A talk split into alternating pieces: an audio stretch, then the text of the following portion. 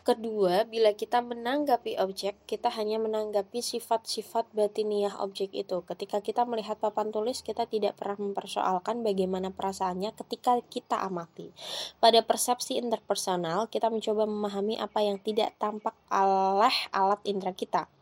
Kita tidak hanya melihat perilakunya, kita juga melihat mengapa ia berperilaku seperti itu. Kita mencoba memahami bukan saja tindakan, tetapi juga motif tindakan itu sendiri.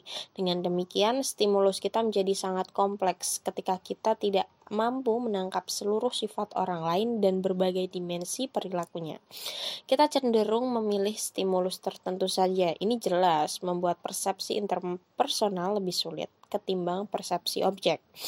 Ketiga, ketika kita memahami persepsi objek, objek tidak bereaksi kepada kita, dan kita pun tidak memberikan reaksi emosional kepadanya.